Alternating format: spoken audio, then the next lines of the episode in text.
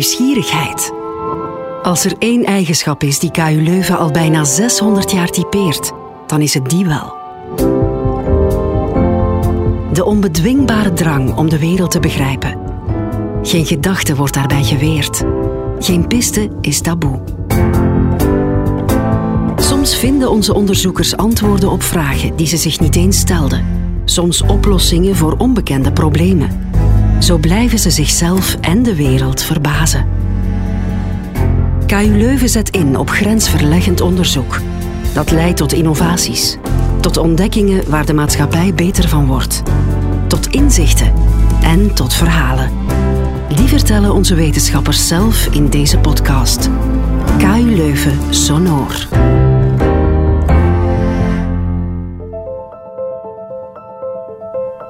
Wetenschap is vaak gebaseerd op cijfers, op statistieken, op theorieën.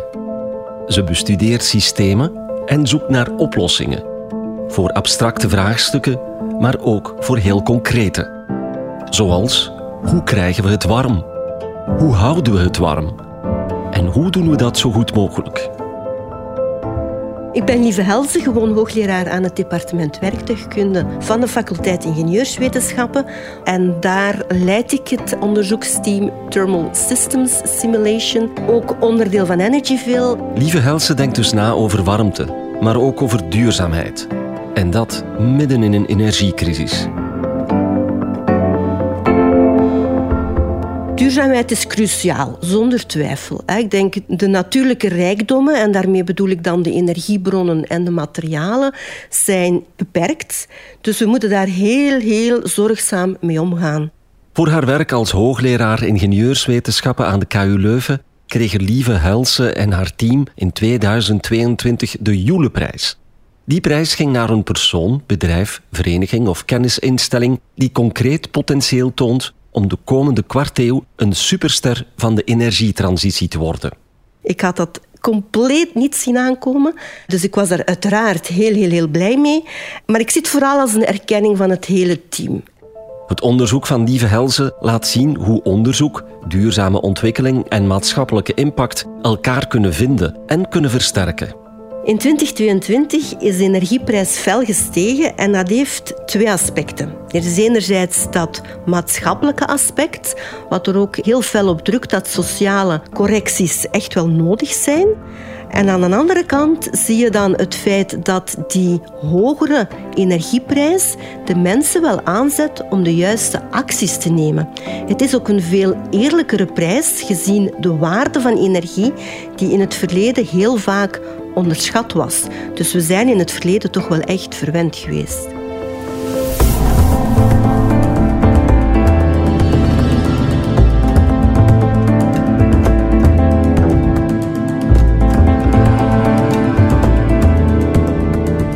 Wat mij drijft is de liefde voor de natuur. Dat is waar alles vertrekt en dan liefst ook in interactie met andere mensen. En als die andere mensen, als die op de voor mij juiste golflengte zitten, dan heb ik echt het gevoel dat we bergen kunnen verzetten. En dat is wat ik zo fijn vind in de job die ik doe, dat we het beste uit de mens kunnen naar boven halen. En dat is ook van daaruit dat ik voel dat we een steentje kunnen bijdragen aan wat ik dan noem duurzame ontwikkeling, waar de mens ook effectief wel centraal staat. Sommige mensen noemen mij misschien een wereldverbeteraar, maar zelf vind ik dat nogal sterk uitgedrukt. Uh, het klopt wel dat ik ergens toch wel de wereld een stukje beter wil maken. Um, dus in dat opzicht ja, zou je dat een wereldverbeteraar kunnen noemen. Als kind was het voor mij vooral de bezorgdheid over het milieu. En dat was vooral de vervuiling van lucht, bodem, water, dat ik daar oplossingen wou voor zoeken. Dat was eigenlijk een beetje mijn droom als kind om dat te kunnen waarmaken. Ik ben geboren en getogen in Zoerle-Parwijs, een deeldorp van Westerlo, wat men ook wel de groene parel der Kempen noemt. Dus natuur is bij mij alomtegenwoordig geweest. Ik heb daar altijd heel veel rust gevonden, heel veel inspiratie gevonden, maar ook van thuis uit meegekregen, denk ik. Mijn vader was natuurgids. Als gezin gingen we elk jaar op reis en zochten we altijd de mooie natuur op. Dat is voor mij puur genieten. Vanuit mijn liefde voor de natuur zou een heel logische studiekeuze bioloog geweest zijn. Uiteindelijk heb ik toch gekozen om ingenieurstudies te doen. Ik had een enorme liefde voor het vak wiskunde en de wetenschapsvakken. En ik had een enorme hoop dat ik aan de hand van technologie milieuproblemen zou kunnen oplossen. En die combinatie heeft gemaakt dat ik voor ingenieurstudies gekozen heb. En dan scheikundig ingenieur, omdat daar een optie milieutechnologie aanwezig was die mij enorm aansprak. Op het moment dat ik afstudeerde in 1993 was er helemaal geen werk. Er was een wervingstop in alle bedrijven.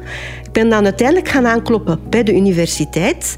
En aan het andere departement, werktuigkunde, was een vacature om als onderzoeker te starten. En zo ben ik dan eigenlijk een beetje toevallig in het onderzoek gerold. Voelde het op het moment echt als een passie aan. Ik heb daar mogen werken op het zoeken naar een technologie om afvalhout te verwerken op een duurzame manier. Dus met recuperatie van zowel materialen als energie. En ik heb mij daar zo in vastgebeten dat ik dat bijna de mooiste tijd van mijn leven vond. Na mijn doctoraat heb ik dan nog een postdoctorale periode doorgemaakt.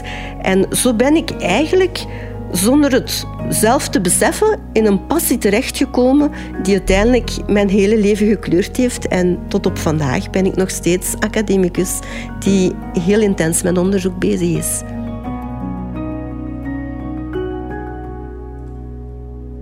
Ik zie mezelf eigenlijk niet meer echt als een vrouw in een mannenwereld, omdat ik het zo gewoon ben. Van dag op dag is het de, de omgeving waarin ik functioneer. De balans man-vrouw zit duidelijk niet goed in de stemrichting. We zitten daar duidelijk met een ondervertegenwoordiging van vrouwen, wat heel jammer is. Maar er zijn ook wel voorbeelden in stemomgevingen waar het wel juist zit. Nu, ik vind die mix man-vrouw wel een enorme meerwaarde. Dus ik denk wel dat we moeten streven naar een betere balans. En we doen daar vanuit de ingenieursfaculteit ook echt wel moeite voor. Maar ondanks dat krijgen we die balans niet beter. En ik denk dat we daar aan de universiteit misschien al te laat zijn. Ik denk dat jongeren veel sneller die keuze al maken. Dat dat ergens al gebeurt in de middelbare school. Ik zie een enorme meerwaarde in een gezonde mix op de werkvloer. Dus ja, ik zou wel graag meer vrouwen in onze stemomgeving hebben. Maar misschien moeten we niet zozeer focussen op dat man-vrouw aspect. Ik denk dat diversiteit veel meer aspecten heeft dan enkel gender. Ook de aspecten die te maken hebben met de culturele achtergrond, de godsdienst, de leeftijdscategorie, de sociale achtergrond, zijn allemaal aspecten die een divers publiek kunnen creëren. En ik denk dat die even goed aandacht nodig hebben. Ik vind het heel belangrijk om ook daar een gezonde mix te hebben. En dat is ook wat ik echt wel nastreef in mijn eigen team. Maar dat vraagt heel bewust aandacht om dat te bekomen.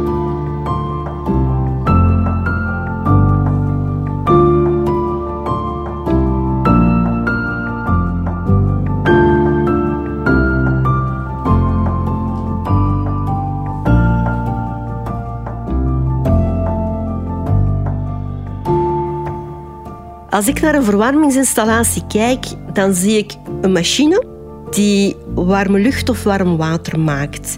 En dat kan die uiteraard op verschillende manieren doen. Het is niet één verwarmingsinstallatie, er zijn heel wat mogelijkheden. Om die warmte te produceren hebben we uiteraard een energiebron nodig. En als we daarvoor aardgas gebruiken, dan gaan we die aardgas verbranden in een ketel. Daarmee maken we hele warme rookgassen en die rookgassen gaan water opwarmen. Daardoor gaan ze zelf afkoelen en als we die afkoelen tot een temperatuur waarbij ook de waterdamp condenseert, dan spreken we van een condenserende gasketel.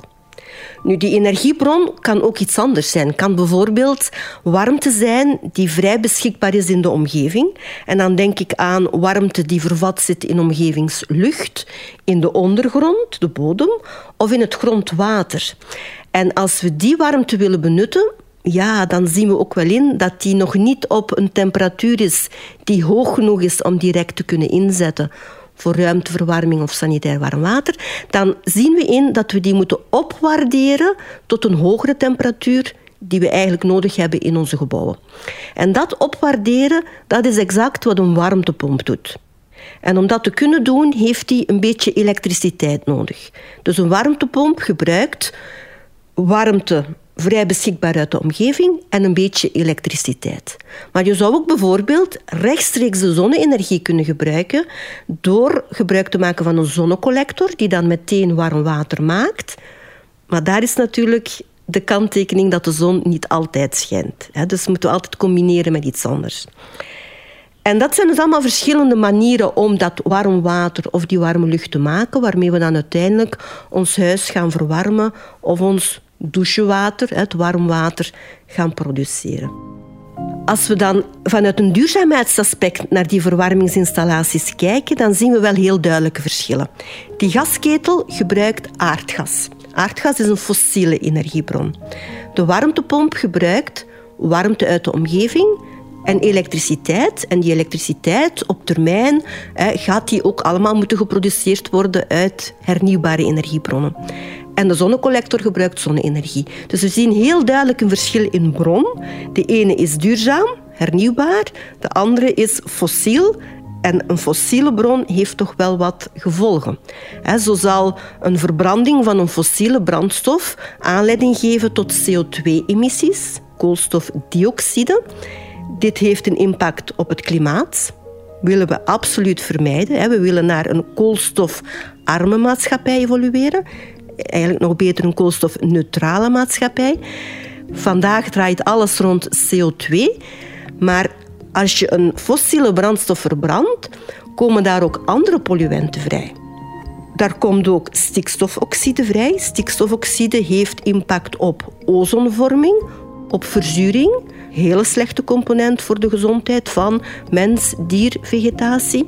Maar ook wanneer die verbranding niet volledig optreedt, dus wanneer die ketel niet perfect is afgesteld, dan krijgen we ook de vorming van koolstofmonoxide, CO. En dat is een heel giftige component. Dus er zijn heel wat neveneffecten van die fossiele brandstoffen. En dat is exact de reden waarom we daar willen van afstappen.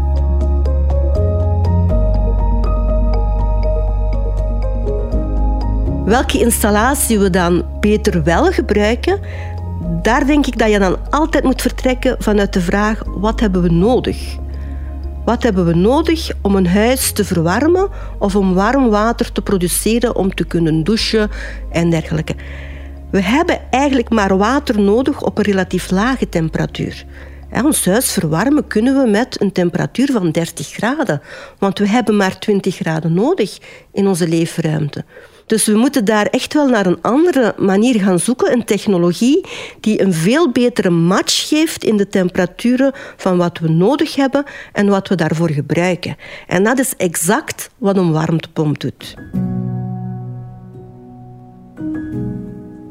De belangrijkste richtlijn om je installatie duurzamer te maken is volgens mij beperk de vraag de vraag naar warmte. En dat betekent isoleer je huis, maak het luchtdicht, ga voor minstens dubbelglas. Dat zijn allemaal zaken die je vraag gaan verminderen. Als de vraag lager is, kan je veel gemakkelijker overschakelen naar die warmtepomp. Nu, je mag daar ook weer niet te ver in gaan. Je mag dat, maar dat zal uh, aan een kostenplaatje gekoppeld zijn dan. Uh, hoe meer je isoleert, op een bepaald moment gaan die extra centimeters isolatie nog maar heel weinig opbrengen ten opzichte van de euro's die je er nog altijd in steekt. Dus ergens zit daar wel een optimum. En in het zoeken van dat optimum moeten we ook altijd wel goed de balans voor ogen houden tussen enerzijds de gebouwschil zelf, de isolatie, de luchtdichtheid, en anderzijds het energiesysteem, de installatie. Want beide dragen bij en beide staan in interactie met elkaar, dus we moeten ze ook samen bekijken. Maar er zijn ook heel eenvoudige oplossingen en daar wil ik toch ook voor pleiten van gebruik de natuur ook een stukje om tot goede oplossingen te komen. Bijvoorbeeld, je hebt een glaspartij op het zuiden, plaats daar een loofboom voor die glaspartij. In de winter en in de tussenseizoenen heeft hij geen blaadjes, laat hij de zon mooi door, heb je extra warmte, gratis voor niks. In de zomer staan daar blaadjes aan die boom en heb je zonnewering, gratis voor niks. Dus soms kan de oplossing heel eenvoudig zijn. En dat zijn de wonderen van de natuur.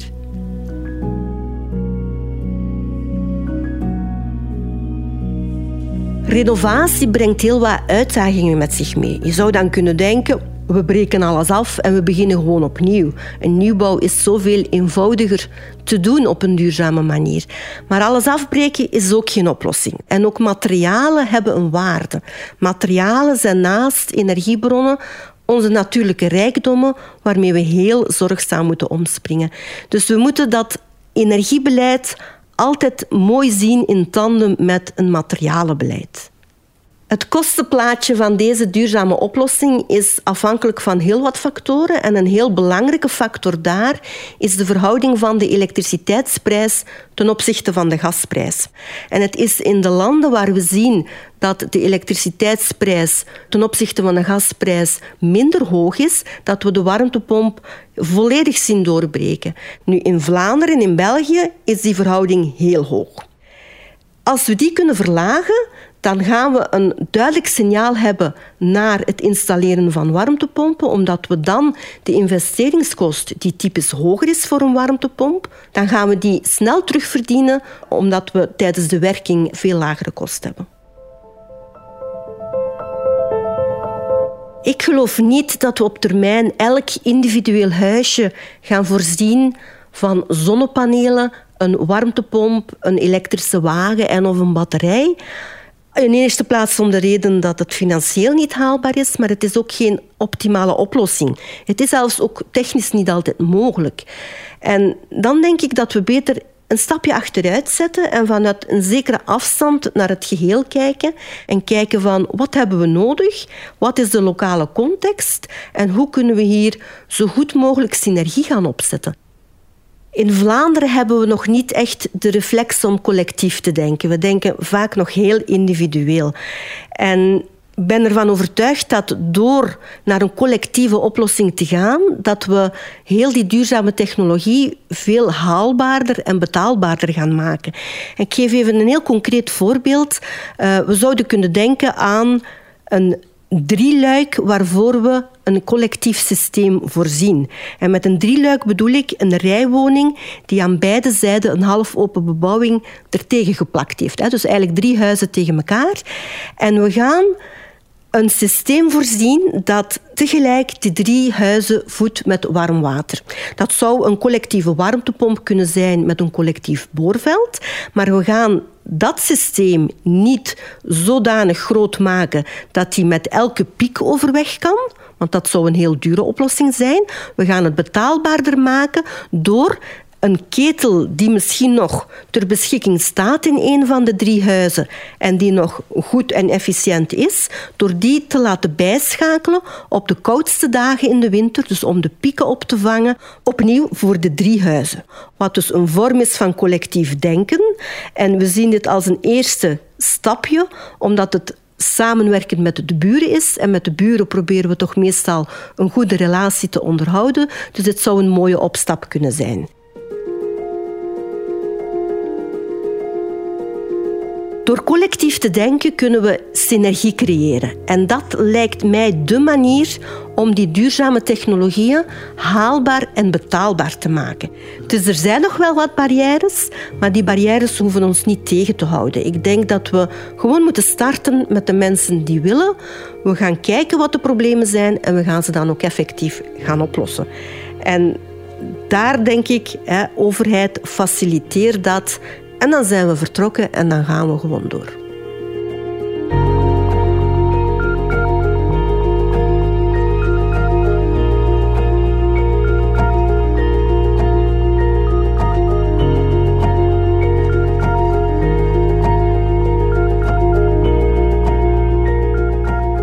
De energiecrisis kan je zien als het is allemaal duurder geworden.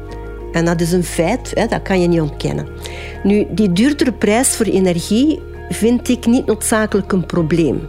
En ik ga verklaren wat ik daarmee bedoel. Die duurdere prijs maakt dat mensen veel bewuster omgaan met energie. Het is nu ook dat typisch de vragen komen: wat moeten we doen om energie te kunnen besparen? Dus mensen zijn bereid om de juiste acties te nemen. Nu, dat is voor een bepaald segment van de bevolking, zij die het zich kunnen permitteren. Er is ook een ander segment van de bevolking die die financiële middelen niet heeft. En die mensen moeten we uiteraard helpen. Dus we hebben sociale correcties nodig om iedereen mee op die kaart te krijgen, om iedereen mee in de richting van een duurzame maatschappij te krijgen.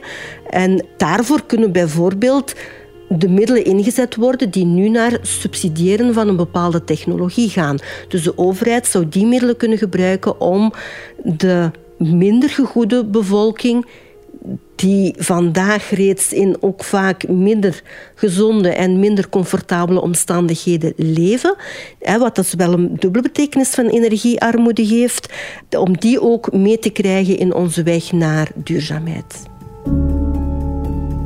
Eigenlijk zijn we wat energiekosten betreft lang heel erg verwend geweest. De energiekost was extreem laag. Als je dat in proportie zet met wat je uitgeeft aan eh, boodschappen doen in een supermarkt, dan zal je merken dat dat eigenlijk een heel lage kost is die we vroeger moesten betalen.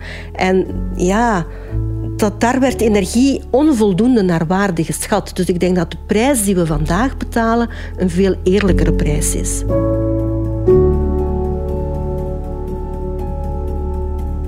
Voor mij is energiecrisis veel meer dan dat prijskaartje alleen. Het gaat ook over hoe gaan we die energiebevoorrading in de toekomst doen? Hoe gaan we die invullen? En daar zijn we veel te lang afhankelijk geweest van regio's waarin het geopolitiek heel moeilijk is. En daardoor zijn we ook heel kwetsbaar. Dus ik denk door meer in te zetten op lokale energiebronnen, hernieuwbare energie, wat dan uiteraard altijd ook gepaard gaat met het introduceren van flexibiliteit via opslag en dergelijke, gaan we winnen op alle vlakken. We gaan de bevoorrading veel zekerder kunnen voorzien. We gaan de prijs veel stabieler kunnen maken. We gaan werkgelegenheid creëren. We gaan bijdragen aan een vermindering van de klimaatimpact. Dus we kunnen alleen maar winnen door dat te doen. En dat is misschien nog het belangrijkste aspect van deze energiecrisis. Dat we nadenken en vooral op lange termijn nadenken van hoe gaan we dit allemaal invullen op een duurzame manier. Dit allemaal is niet gemakkelijk voor het beleid. Het vraagt heel veel moed, maar het vraagt vooral ook een lange termijnvisie. En die missen we vandaag. We gaan te vaak van de ene regering in de andere over van de ene visie in de andere. En dat zijn vaak korte termijnvisies. En met deze korte termijn gaan we er gewoon niet komen. We gaan echt wel moeten kijken waar willen we uitkomen. En dat is heel duidelijk. We hebben een doelstelling. In 2050 moet de maatschappij koolstofneutraal zijn. En in deze context van energie in de bebouwde omgeving is het superbelangrijk dat we nu actie nemen. Al die installaties staan er voor 20 jaar of langer. Dus we moeten nu de juiste acties nemen.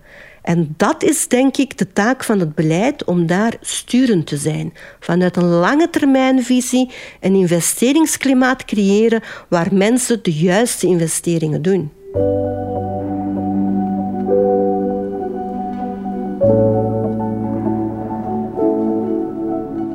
Wat ik nog heel graag zou bereiken is dat we als maatschappij veel meer oog hebben voor het geheel. Dat we kunnen en durven kijken over de grenzen van de vakjes heen. Dat we zoeken naar oplossingen voor problemen vanuit een heel open denken, vanuit een heel ruim denken en daardoor bijna automatisch proberen om synergieën te benutten. Dat we bijvoorbeeld het probleem rond energie samen aanpakken met de uitdagingen rond water, rond voeding, rond mobiliteit. Als we daar allemaal samen naar kijken, dan gaan de oplossingen veel evidenter en logischer zijn. Dat is eigenlijk waar ik van droom en waar ik het gevoel heb als we daar geraken, uh, dan ben ik content.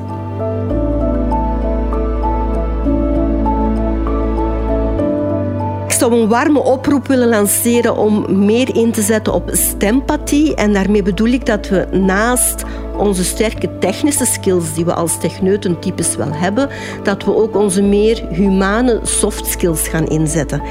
Onze samenleving heeft nood aan meer liefde, meer genegenheid, meer menselijke solidariteit. Het is maar door met elkaar in interactie te gaan, dat je zoveel meer kan bereiken. Ik denk dat we veel meer moeten verhalen vertellen. Dat we veel meer onze zintuigen moeten inzetten. Dat we moeten voelen. Ook als onderzoekers aan een universiteit is dat voelen enorm belangrijk. Ik denk dat de omgeving waarin ook wij zitten vaak veel te competitief is. En we moeten veel verder kijken dan het individu, want we moeten oplossingen vinden voor de maatschappij. Want we moeten er daar wel staan in 2050 als duurzame maatschappij, allemaal samen. En als we die krachten bundelen, dan gaan we zoveel verder komen. Dit was KU Leuven Sonor, de podcast van KU Leuven waarin wetenschappers over hun onderzoek vertellen. In deze aflevering hoorde je Lieve Helsen.